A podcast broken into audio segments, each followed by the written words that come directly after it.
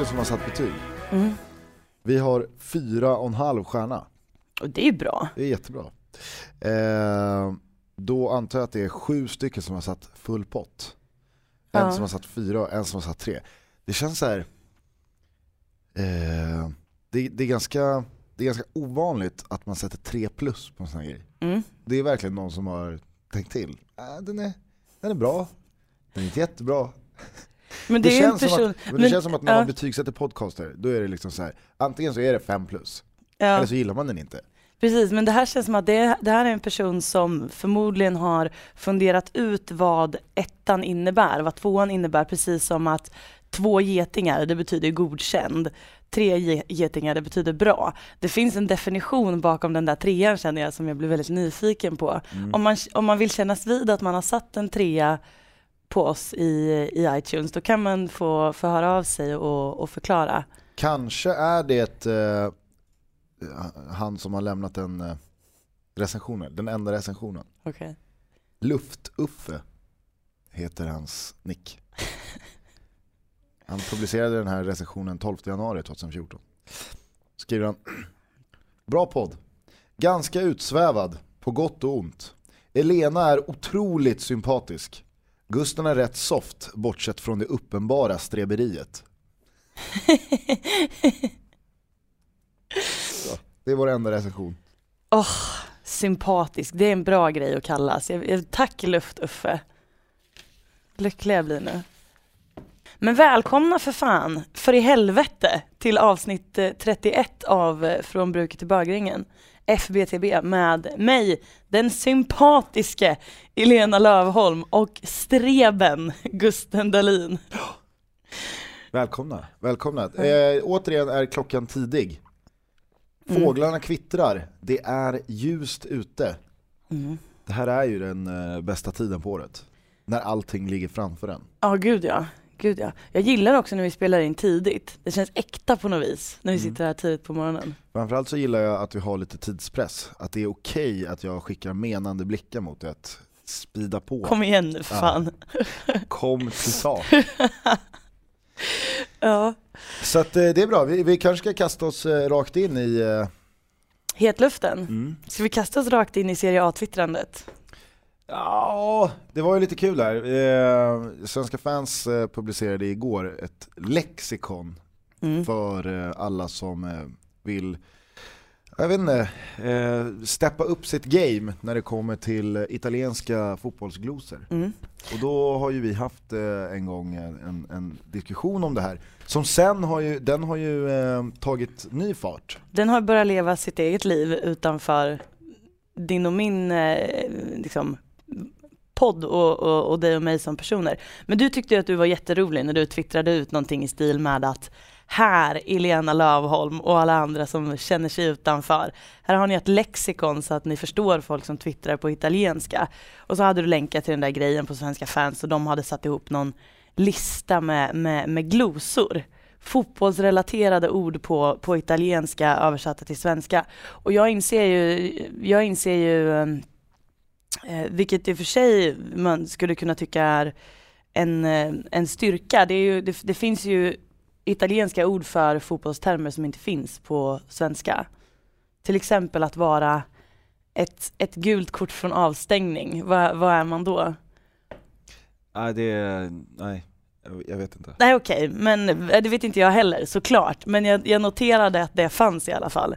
Men jag brast ju ut i det, det största lollet på väldigt länge för det där bekräftade bara på något sätt den självbelåtenheten som jag har hävdat hela tiden att ni i det här svänggänget sitter inne på. Jag tyckte liksom att det där var inte inkluderande, det var inte att sträcka ut en hand. Det var bara att liksom orera ännu en gång över att vi sysslar med grejer här som ni inte begriper. Det, det, det, det, känns som att det går inte att vinna över dig. Nej men det är, som, det är ungefär som det. så här, Reinfeldt låtsas vara sosse just nu. Han är ju inte sosse bara för det. Det är ungefär samma grej. Såg du, eh, apropå det, eh, jag vet inte hur jag kom över den, men Stojan Lukic, Halmstad BKs målvakt, Mm, Ja, Han fick frågan eh, i en Ja, intervju ja. vad han skulle rösta på i valet. Ja. Eh, och, och svaret var liksom i stil med, ja, jag väljer mellan två. Eh, Socialdemokraterna och Moderaterna. Eh, det känns ju lite bättre gentemot andra att rösta på ett av dem. Men ska jag tänka på mig själv så skulle det ju vara bättre att rösta på det andra. Jag bestämmer mig kvällen innan. Och man und- oj, undrar vad han menar. Kan det vara att han tjänar så mycket pengar så att han kanske ska rösta på det som ligger lite mer åt höger? Skitsamma. Det var många då igår när det här calcio-lexikonet kom ut som började skrika om, däribland du som tyckte det skulle vara kul om jag satte ihop en liknande ordlista fast dialektala ord från bruket. Från Degerfors, förmodligen för att jag har pratat värmländska i den här podden några gånger och folk i allmänhet har eh, tyckt att det har varit väldigt roligt. Men jag tänker inte göra det. Varför? Jag fattar grejen, jag, jag fattar verkligen varför och, och jag gör det gärna vid ett annat tillfälle. Men i det här sammanhanget kommer det inte på fråga. Jag tänker inte dra in bruket i den här kontexten. Jag tänkte omedelbart när du frågade mig, du messade mig och frågade om jag kunde ta med några ord, tänkte jag omedelbart på en textrad av eh, Oskar Lindros som jag tycker är helt magisk. Den går äkta känner äkta, därför känner vi varandra. Och det är, precis, det är precis så jag känner här. Äkta känner äkta och bruket känner fan inte tramset som de svenska Serie A-twittrarna håller på med. Jag vill inte dra Degerfors i smutsen på det här sättet. Nej okej, det blir inga bruket-ord. Men det blir en annan grej. Jag har med mig de tre ro roligaste hån-tweetsen som har hånat det här lexikonet. Jaså, Mm. härligt. Då ska du eh, bränna av dem på en gång. Jag ska bränna av dem. Ja. På tredje plats, där har jag placerat min egen tweet. Sympatiskt. Ja men det var ju där jag satte den ju på tredje plats. Ja. Den lyder så här. Erbjuder de som ligger bakom Calcio-lexikonet guidning i annan komplex hantering också. 40-årskriser är ju jobbigt till exempel. Jag tänker mig bara så här, svenska fans imorgon. Glöm Rogaine, vi har svaret. Ja, plats två. Plats nummer två, då är det Mange-fan som twittrar. Hur, det här är kul. Hur säger man vilken dag är din Dolmio-dag på italienska? Jag hittar inte det i lexikonet. Okej. eh, plats nummer ett. Tweet nummer ett den är författad av Kristoffer Eriksson. Cracked Copy heter han på Twitter. Eh, följ honom, han är skitrolig. Han skriver 18 i tredje 2014, dagen då den svenska Serie A-communityn slutligen kröp upp i sitt eget arsle och imploderade. Härlig tweet. Ja, han låter ju Mycket fruktansvärt eh, lustig faktiskt. träffsäker beskrivning av vad det är som faktiskt händer här. Ja. Nej, det, det där verkar vara en eh, väldigt, väldigt eh, oskön människa. Slå ett slag för mig med Slå ett slag för mig med För alla tysta tårar Och oss miljoner dårar Slå ett slag för oss med Nu så vill jag veta vad eh, du gjorde i lördags. I lördags så var jag på ett eh, supporterseminarium Mm. som AIK tillsammans med AIK-alliansen hade arrangerat för supporter som hejar på alla lag. Men vem som helst fick komma men eh, det var eh, av förklarliga skäl mest eh, gnagare där. Och det var ett eh, jättefint initiativ med eh, ett gäng föreläsningar om eh, fotboll i media, fotbolls, eh, alltså mediernas konstruktion om fotbollsvåldet. Eh, Tony Ernst var där, föreläste om eh, SFSU, 51%-regeln och eh, sådana här saker. Jättebra dag, jättebra initiativ som jag hoppas att, eh, att eh, vi får se mer av. Jag själv deltog i en paneldiskussion med eh, Patrik Ekvall, Thomas Mattsson från Expressen, Simon Strand, eh, Dan Persson från Idrottens Affärer, en kille som heter Jakob från AIK-alliansen och Johan Segi. Och vi pratade om eh, mediebilden av eh, supporterkultur och eh, konsekvenserna av det. Vilka briljerade och vilka var så att säga ute och cykla?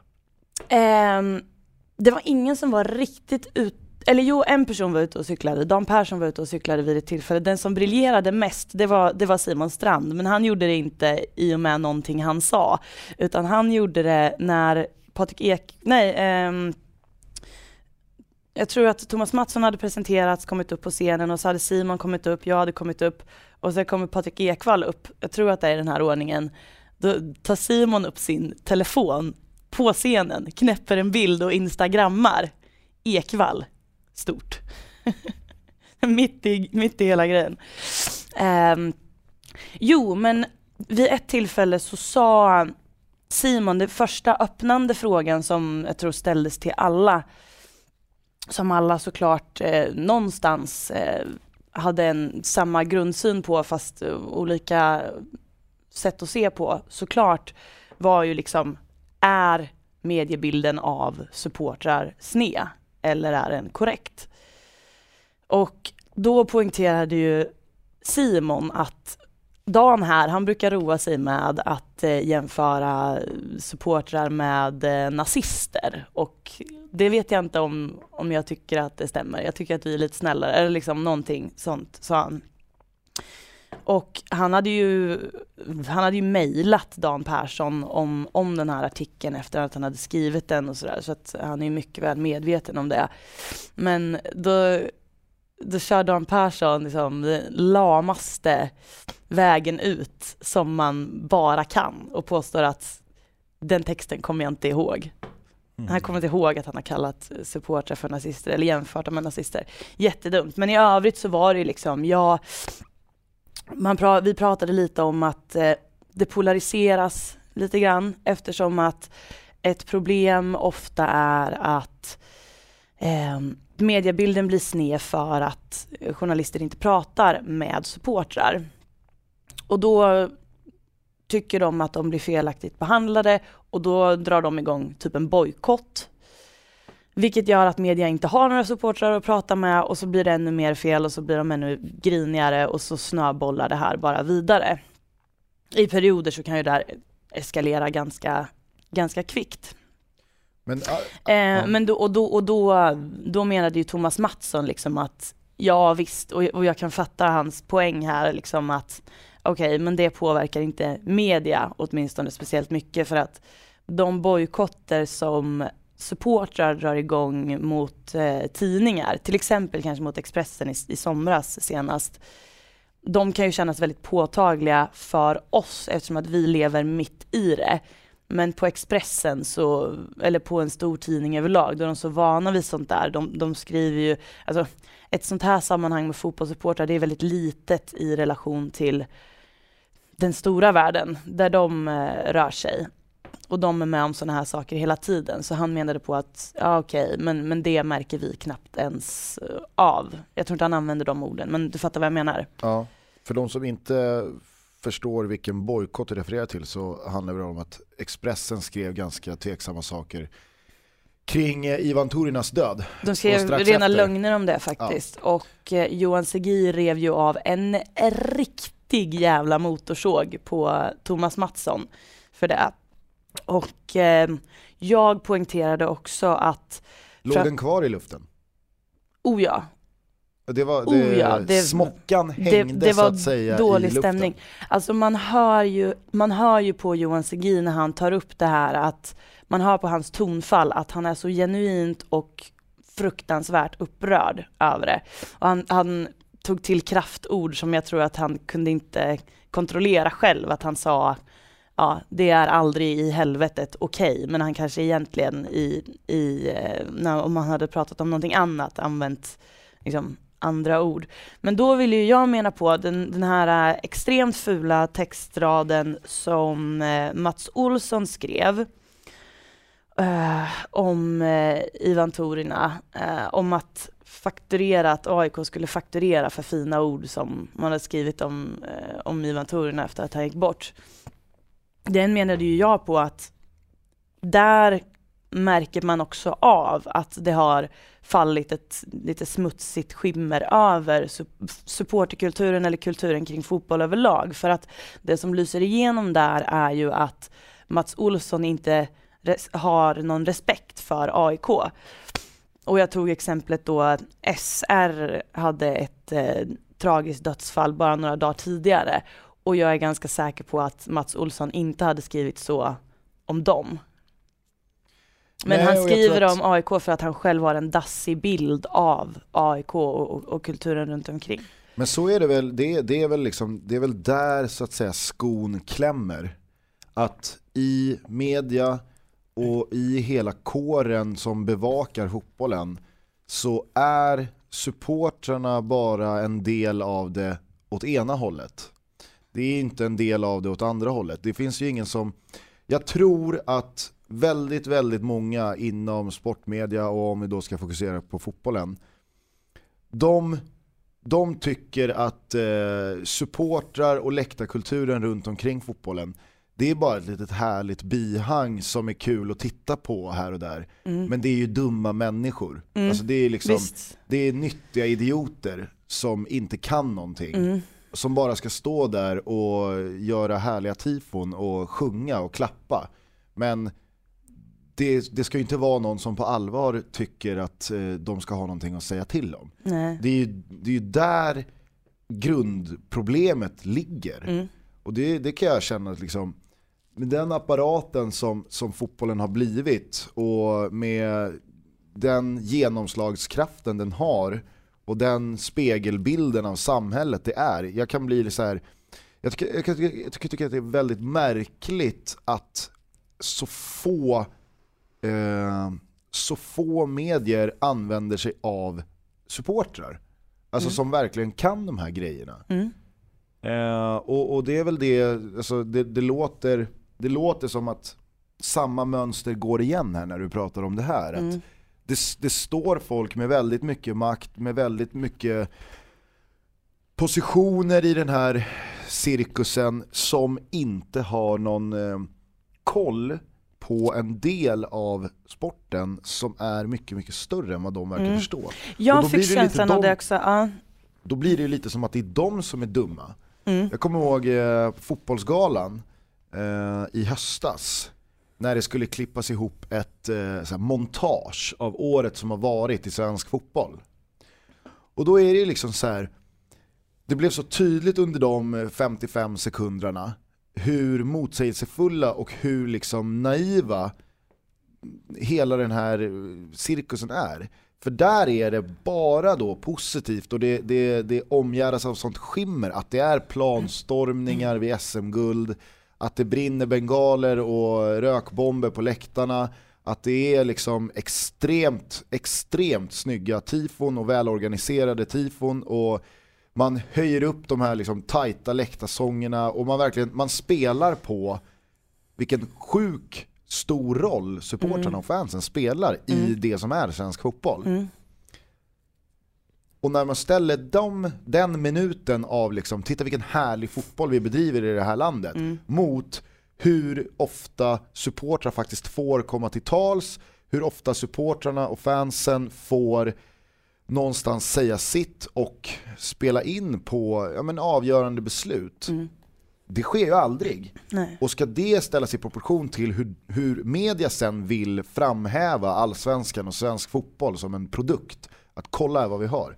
Det är ju så, det är så snedvridet så det bara finns inte. Exakt det där exemplet eh, poängterades faktiskt också under, eh, under debatten, att man använder samma bilder som, det här är ett jättebra exempel, men det händer ju, eh, det händer ju ett par gånger per år att ja, More använder samma bilder som, som reklam, som de använder som skräck, skräckpropaganda.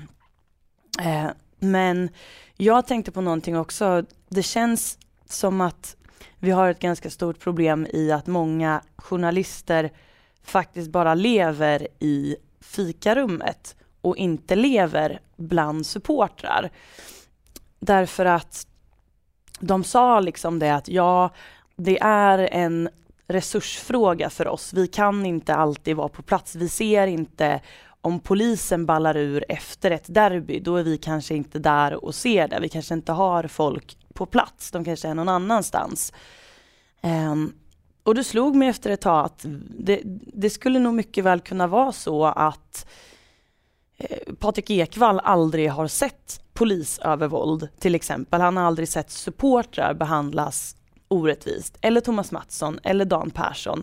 För att de går på matchen och sen tar de sin fika i paus och sen går de på presskonferensen och sen åker de hem. De lever inte på riktigt i fotbollsvärlden.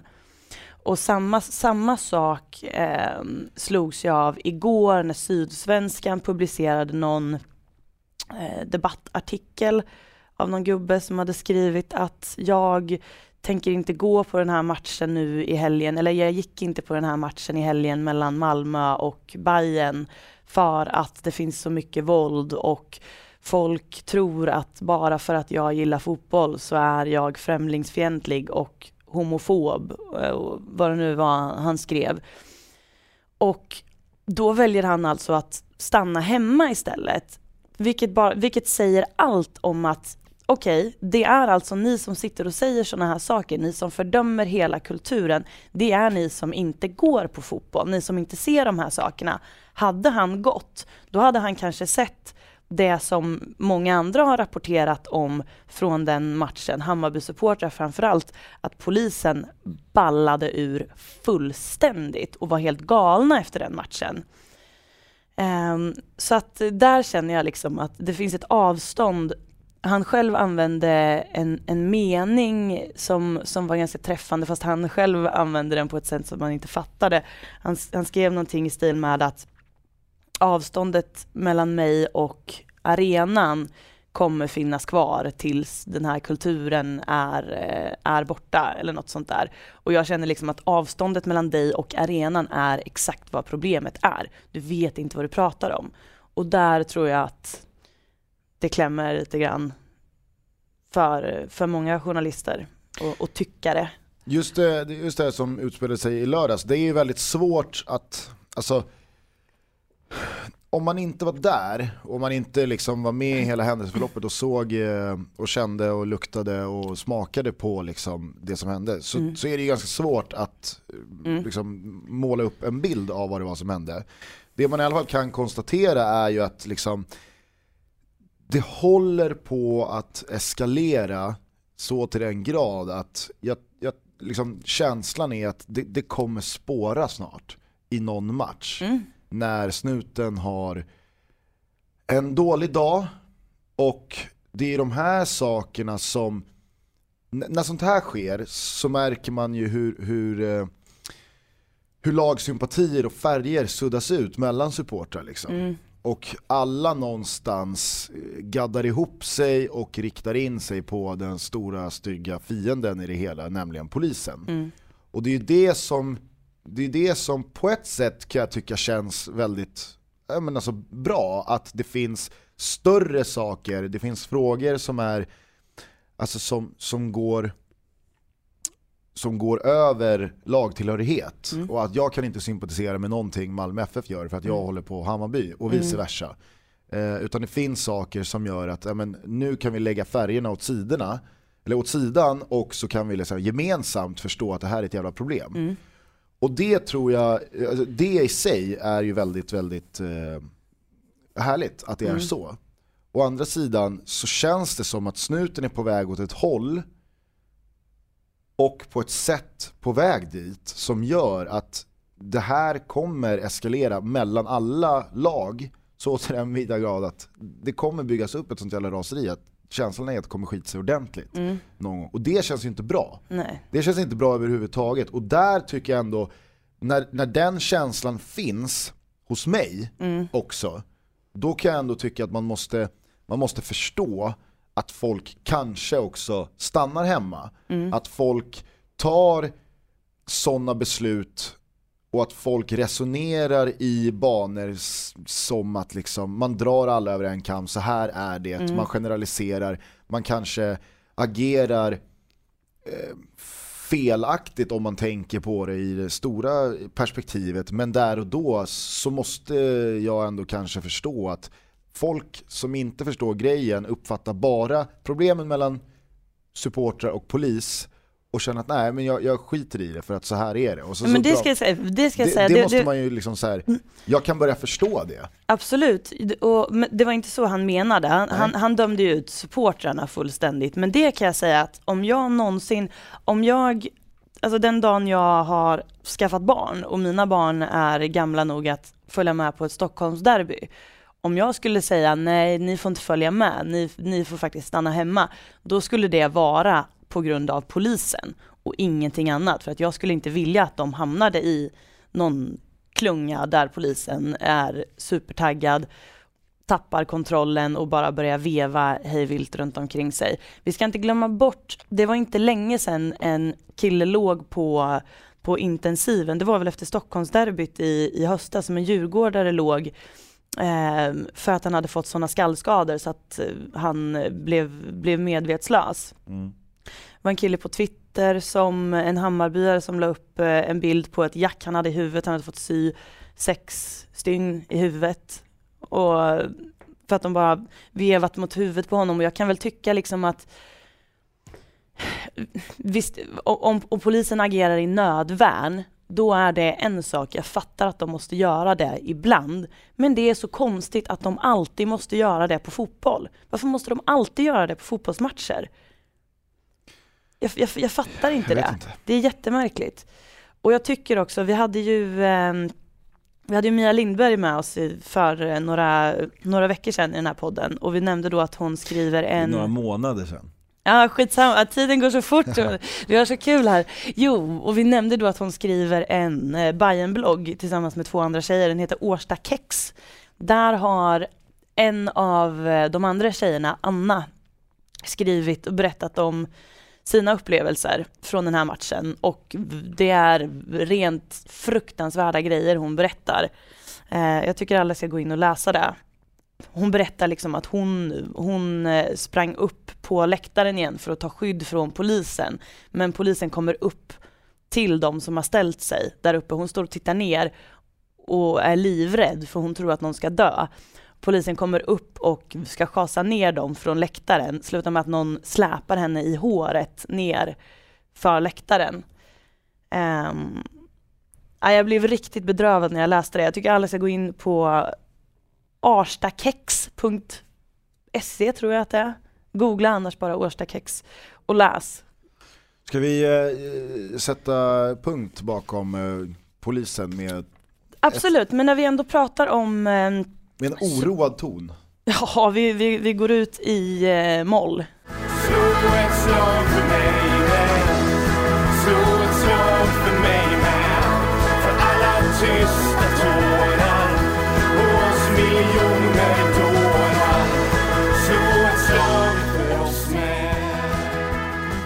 Men när vi ändå pratar om eh, supporterseminariet så fick jag en present som tack för att jag var med. Jag fick eh, en bok som heter De första Som heter? 116 åren och det är en 544 sidor lång berättelse om AIK fotboll från starten i slutet av 1800-talet till och med sista matchen på Råsunda och Europa Leagues gruppspel i december 2012. Och jag känner lite grann som, som ehm, eh, jag kände när jag hade fått den här Bajenboken. att eh, det här är ju jättetrevligt men jag tyckte då att den eh, gör större nytta i, i händerna på en Hammarbyare och på samma sätt så, så känner jag att eh, det är en gnagare som ska ha den här boken. Mm. Så, och då tävlade vi ut den här Bajen-boken men jag tänkte att vi aktionerar ut den här eh, AIK-boken. Oj. Mm. Ska vi ta på oss en stor hatt då också och eh, signera boken? Nej, det ska vi inte. Det ska vi inte. Vi, vi, vi, skänker, vi skänker pengarna till ett välgörande ändamål, men jag har redan sett till att bringa lite mervärde till den här boken. För det är förmodligen en AIK-are som kommer ropa hem den. Så att jag såg till i lördags att få den signerad av eh, Daniel Tjärnström, Johan Segi och eh, FBTB-favoriten Björn Westström. Oj, oj, oj. oj. Mm. Och pratar man hellre ren para så kostar den eh, 700 spänn att, att, att köpa i butik. Så var inte blyga. Jag tycker vi lägger det första budet på 700 pix och så Var får man bjuda pengarna? över det. Jag tänker att vi skänker pengarna till Ivan Torinas eh, målvaktsfond som AIK har dragit igång, eller håller på att och dra igång. Det är Och så inte de här man- energidryckerna hoppas jag. Nej, det var, då, pengarna för det skulle ju gå, alltså pengarna för energidryckerna skulle ju ha gått dit, men det var inte det som var själva fonden. Och så får man buda under hashtag FBTB på, på Twitter. Eller via enkelt. mail, fbtbpodd.gmail.com Funkar också, men inte under 700 spänn. Vi, det, sådana bud godkänner vi inte, de, de, de kastar vi i sopen på en gång. Eh, apropå, apropå mailen och eh, hashtaggen FBTB, så det var väldigt många som eh, engagerar sig i eh, t-shirtarna. Mm, Vad som, ska, vad som ska stå på dem. mm, Det är ju, eh, det, det jag kan tycka är härligt är ju att man så här, det är många som tycker som en själv. Alltså man, man, har, man har sneglat på samma Mm. eh, avsnittsnamn Mm. och tänker att det är, det är flera som verkar uppskatta det. Det är ju några som inte har fått en enda röst. Det, är klart att så här, för att det ska vara ljust så måste det vara mörkt. Och för att man, alltså så här, när man röstar på ett avsnittsnamn så är det ju liksom andra namn som inte får en enda röst. Men Mm. de som inte har fått en enda röst, jag, jag, det är ju jag som nästan alltid väljer vad avsnitten ska heta. ja. Och det, det finns, jag har ju omvärderat vissa namn Mhm. eh, på grund av att de inte har fått en enda röst. Har du något exempel på, på ett sånt? Ett, ett eh, avsnittsnamn som inte har fått en enda röst är Alla lyssnar på R. Kelly. Det kan jag tycka är lite tråkigt. Men jag tror, jag tror, jag kan tänka mig att det är för att vi inte har gjort någon grej av R. Kelly. Jag tror så här, offside på Eero Markkanen, om vi bara hade sagt det en gång och sen aldrig nämnt det igen och inte garvat åt det själva heller, om avsnittet bara hade hetat det, då hade folk inte tyckt att det var lika skoj heller. Jag tror inte att du behöver må så dåligt över att du döpte avsnittet till det, utan jag tror snarare att det handlar om att det, det finns ingen riktig eh, historia kring, kring det namnet. nej. nej, vi ska väl bara säga att offside på Eero en en Cabralsinho utan lök och i källaren under Coop. De tre ligger ju i, i så att säga vinnarhålet. Ligger väldigt bra till. Mm. Mm. Men alla, eh, nu vet jag inte vart du har hittat avsnittet som sitter och, och lyssnar just nu. Det finns ju lite överallt. Men det finns ju i alla fall om man går in på den här lilla svenska fans, eh, det var det den vi brukar länka till, så finns alla avsnittsnamnen där, likaså även i iTunes. Är man inne på fanradio eller något sånt här nu, då, då är det nog svårare att, att, att hitta. Men leta upp oss någonstans där, där alla avsnitt finns. Läs igenom och fortsätt rösta. Slå ett slag för mig med Slå ett slag för mig med För alla tysta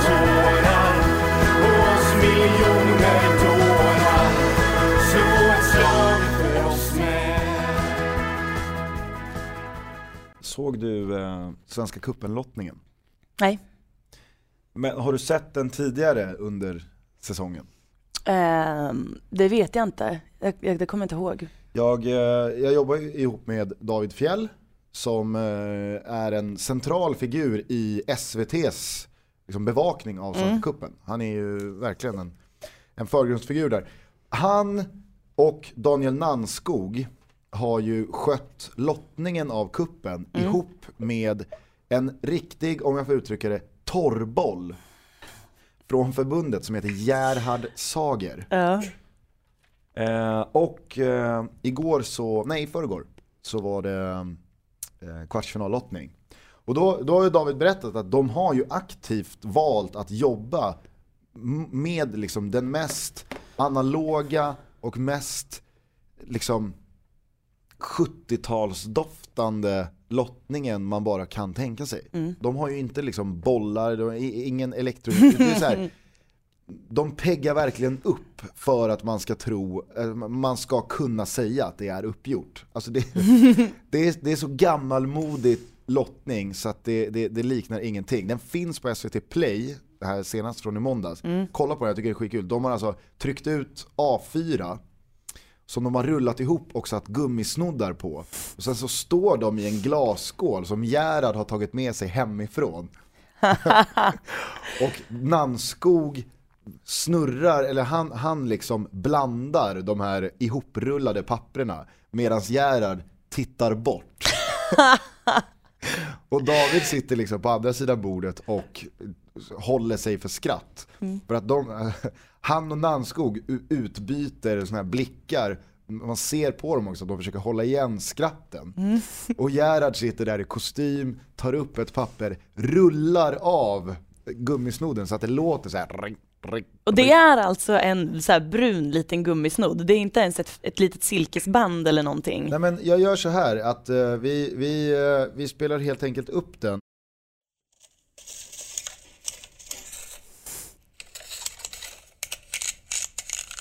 Mot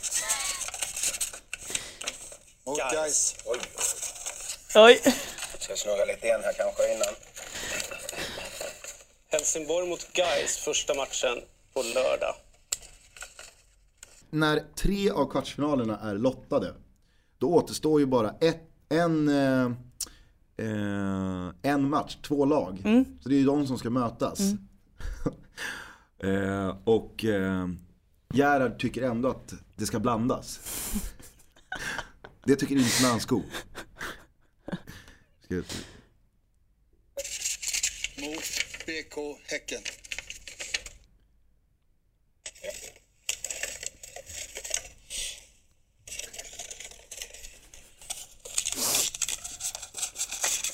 Möter IK Sirius FK. Sirius. Och då är det bara... Och då ska det återstå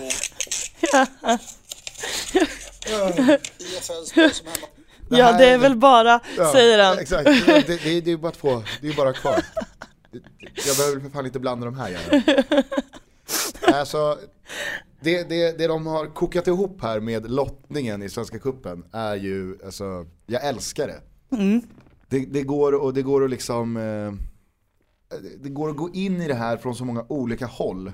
Men någonstans så släpps det in, det här, det här sänds ju alltså direkt i SVT. Det är våran Ja det där är väl morgonsoffan va, Ja, eller? Visst, visst, ja. visst, visst. Apropå, apropå kupplottningen så eh, har, har du varit inne på baraben.com. Nej. De, eh, de visade vilka kvartsfinalerna blev efter kupplottningen. Mm. Och då hade de skrivit eh, inte AIK mot inte AIK. Jaha, In- ja, inte det AIK såg jag. Mot inte AIK. Inte Det AIK. såg jag. Det var en, en Martin på Fotboll Direkt, den här lilla skåningen. Han eh, kom på den roliga idén. Den lille skåningen. Den lille skåningen, han är skåning och typ 19 bast. Så att, eh, då, då får man säga den lille skåningen.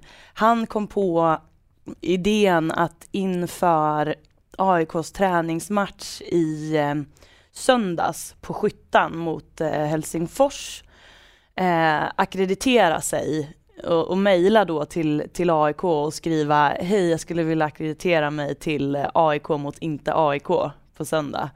Och det tyckte jag var så roligt så att jag blev sur för att jag inte själv hade kommit på det. Mm. Det jag egentligen skulle spela upp för dig, Mm. det är eh, den eh, intervju som eh, Love Gustafsson på Hammarby fotboll har gjort med deras nyförvärv Jan Gunnar Solli. DJ Solly. DJ Solli, precis. Har du sett den här intervjun? Nej. Eh, jag älskar Jan Gunnar Solli. Mhm. Efter åtta minuter och två sekunders intervju så är det så här, jag älskar den här snubben. Han är ju, eh, nu har ju Bayern eh, i och med det här, de har alltså tre norrmän. De har en liten delegation I, i, i, eh, i laget. Jag har ju alltid haft en, alltså norska för mig är, jag kan inte ta eh, norska på, på, ah, jag kan inte höra en norrman bli riktigt förbannad Nej. och liksom ta det på allvar. För att det är sånt, det är sånt gulligt språk. Mm. Eh, och eh, jag, eh, jag ser den här intervjun, den är ganska lång, det är ganska många frågor. Och jag skulle eh, mellan tummen och pekfingret säga att 85% av svaren inleder Jan Gunnar Solli på samma sätt. Nämligen med ordet ja då.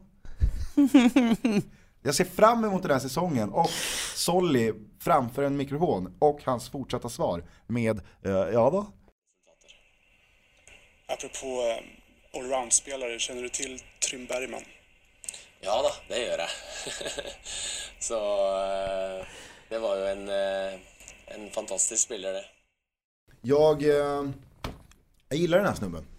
Vågar man hoppas på en fan-tv-intervju med typ en så här, ja då, counter uppe i, i, i högra hörnet? Kan du lova det till, till no- 08-fansen out there? Ja det kan jag lova. Det kan jag lova. Nej men eh, det här är, det här är ju eh, veckans Lundén. Jan Ja, Gunnar Solly. Han, eh, det kändes ju så här när, när, han, när han blev klar och att han är DJ vid sidan om. Mm. Så, så kändes det som att väldigt tacksamt att driva med. Men han får ju den här frågan direkt och han säger det, men så här, för mig är det där perfekt. Jag, jag spelar fotboll och jag lägger all min fokus och kraft på det. Men när jag kommer hem och liksom det inte ska vara fotboll längre, då, då är det där perfekt för att koppla bort. Mm. Eh, och han verkar ju ganska bra på det. Vad jag har förstått, nu är inte jag någon, nu är inte jag någon så här house-kännare, eller någon DJ-kännare av rang. nej. Men han har ju, eh, vad det verkar, liksom öppnat för David Guetta. Mm. Det måste ju betyda någonting. Det är ju stort. Ja men exakt. Det, det, det här är ju det, det är ett uppsving då för att man tappade ju lite, lite musikalitet i eh, Christophe Lallé när Ja. han drog. Då får man säga att eh, han, han väger med råge upp. Om man har öppnat för Guetta, då, då väger han med råge upp för Christophe Lallé. Ja, och jag, och jag, älskar, jag älskar människor som får en fråga som någon, någonstans antyder att Hörru du, vart har du ditt fokus egentligen? Mm. Eller liksom, vad, är det här för, vad är det här för plojgrej? Mm. Eh, och när sådana människor bara liksom tar den pucken på uppstuds och bara liksom talar om hur det är. Mm. Har du något problem med det? och så blir det liksom så här, äh, det är väl klart att han ska få DJa om han vill. Ja, Jag gillar eh, Jan Gunnar Solly. Kan inte du fråga mig om jag gillar Jan Gunnar Solly? Gusten, gillar du Jan Gunnar Solly? Ja va? Slå ett slag för mig med Slå ett slag för mig med För alla tysta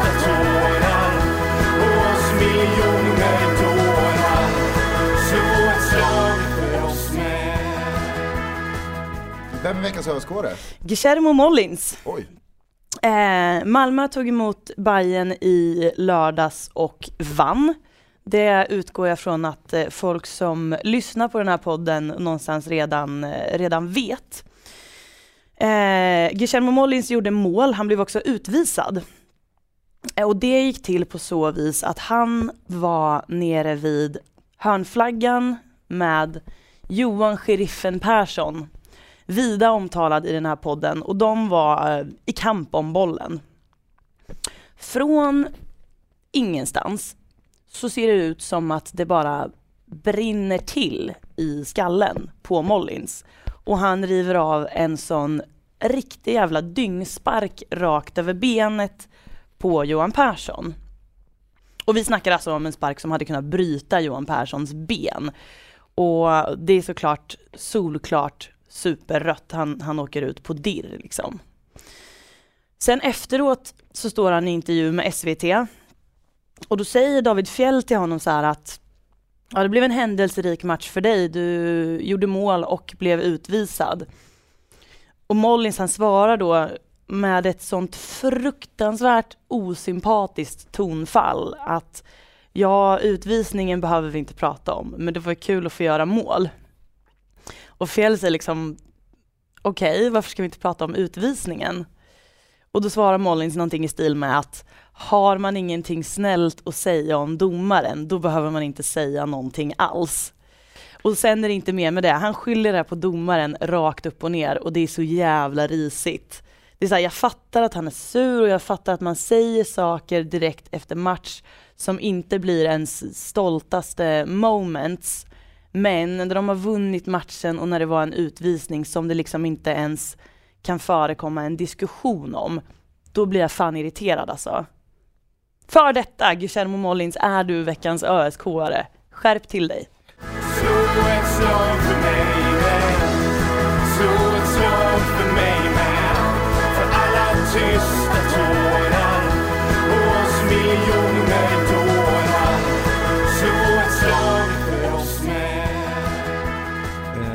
Måste ju hinna avhandla Djurgårdens Sjung för gamla Djurgården-kampanj Ja men det hinner vi. som har vecklats ut Mm. under eh, senaste veckan. Det hinner vi.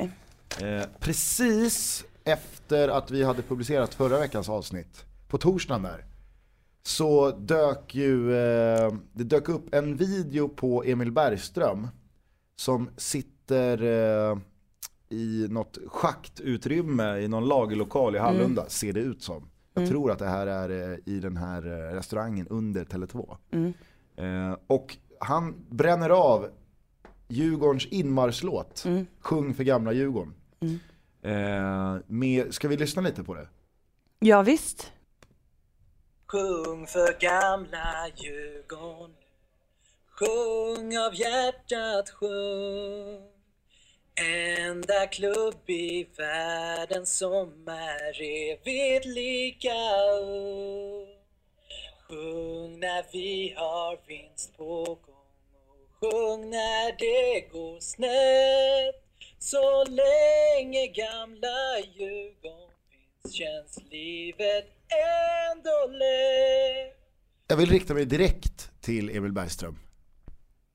Det här är bra Emil. Det här är jävligt bra. Framförallt är det jävligt modigt och framförallt är det jävligt liksom, härligt att liksom, du, du vågar bjuda på dig själv när det är sånt uppenbart upplägg för att alla ska smasha ner dig och göra narr av dig. Det tycker jag är viktigt. Att du vet att det finns folk som tycker och förstår.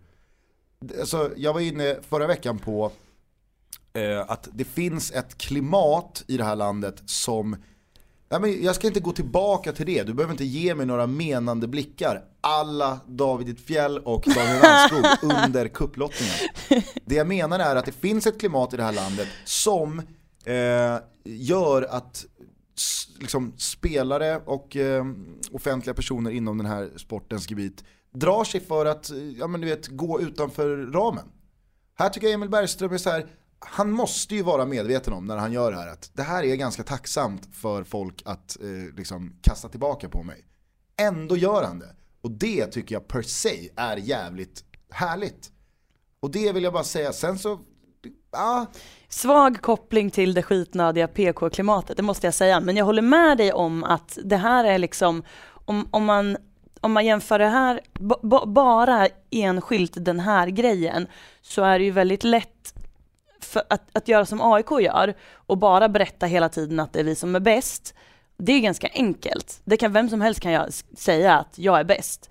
Men att sätta sig så här och, och bara sjunga rakt upp och ner, a cappella, rakt in i en webbkamera och veta att jag lägger upp för smash här. Det kräver sin man. exakt. Och det är det jag vill säga här till Emil Bergström att det imponeras jag av. Mm, Det är riktigt jävla bra av dig. Sen är det viktigt att poängtera omedelbart efter att jag har sagt det här att Djurgårdens kampanj är svindålig. Den är riktigt svag, det måste jag säga. Så att folk inte tror att jag hyllar den nu, för att den är väldigt, väldigt dålig. För alla som har varit med länge i den här podden så vet vi att eh, det, är, det är bara att sätta en liten eh, asterisk bakom Elenas eh, tränade reklamöga. Det är inte alltid eh, rätt ute. Ojsan, hoppsan, hejsan. Och då undrar man ju så här, du som Skämtar älskade? Zlatan-reklamen. Ja, vad men det känner har... du då när Erton och Priovic är ute Åh och vad du är korkad, åh vad det inte har någonting med saken att göra. Zlatans reklamfilm är en helt annan historia. Det går inte att jämföra den med någonting som ska skapa en chans inför säsongen, som det ska krypa i hela dig när du ser. Det här, har du läst mitt blogginlägg om det här? För att om du har läst det och inte begripit varför AIKs är svinbra och Djurgårdens är skitdålig, då är du korkad Gusten. Jag är ledsen men då är du pantad. Fan du ifrågasätter hur, hur bra jag är på mitt jobb. Jag blir riktigt förbannad nu alltså. Pirrar det i kroppen när du ser Erton och Priovic Men kära runt nån. i stadiumjackorna? Alltså, Djurgårdens kampanj talar typ till barn. Alltså jag kan tänka mig att det där är kul grejer om man är 12 år, att man vill vara en del av Djurgården tack vare de där grejerna om man är 12 år gammal. Framförallt så är den otydlig. Hela den här kampanjen har samma problem som all annan marknadsföring som, som svenska fotbollsklubbar kör med. Det spretar och det säger ingenting om vilka man är eller vad man står för. Eller vilken bild man vill att folk ska ha av en.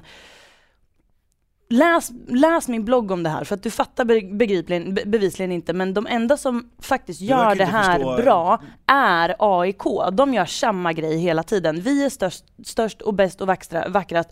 Punkt jävla slut. Det är deras signum. Supertydligt, man, man kan hata AIK för det och det är helt i sin ordning men det är så man gör marknadsföring. Man är tydlig och man säger samma sak hela tiden. AIK gör det bra och konsekvent. Ingen annan gör det bra och konsekvent. Djurgården gör det pissdåligt.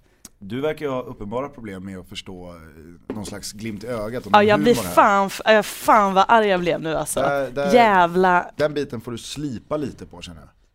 asterix på mitt tränade öga. Asterisk. As, aster, ja, vad sa jag då? Asterix. Asterix. Och Obelix. ja, fy fan vad jag ska, åh, Får jobba lite jag ska, på- jag ska snacka jobb- skit om på- dig. Jag ska snacka skit om dig hela veckan. Hela veckan. Jobba lite på ordförrådet också.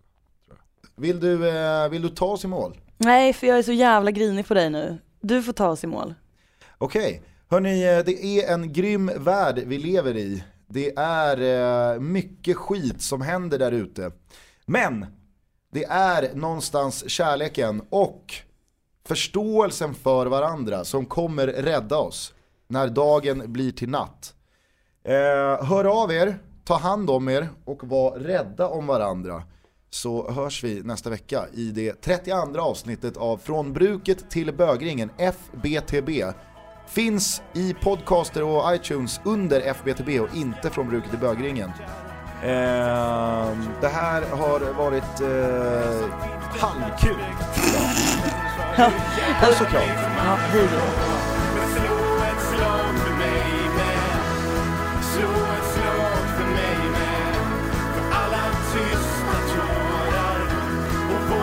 see.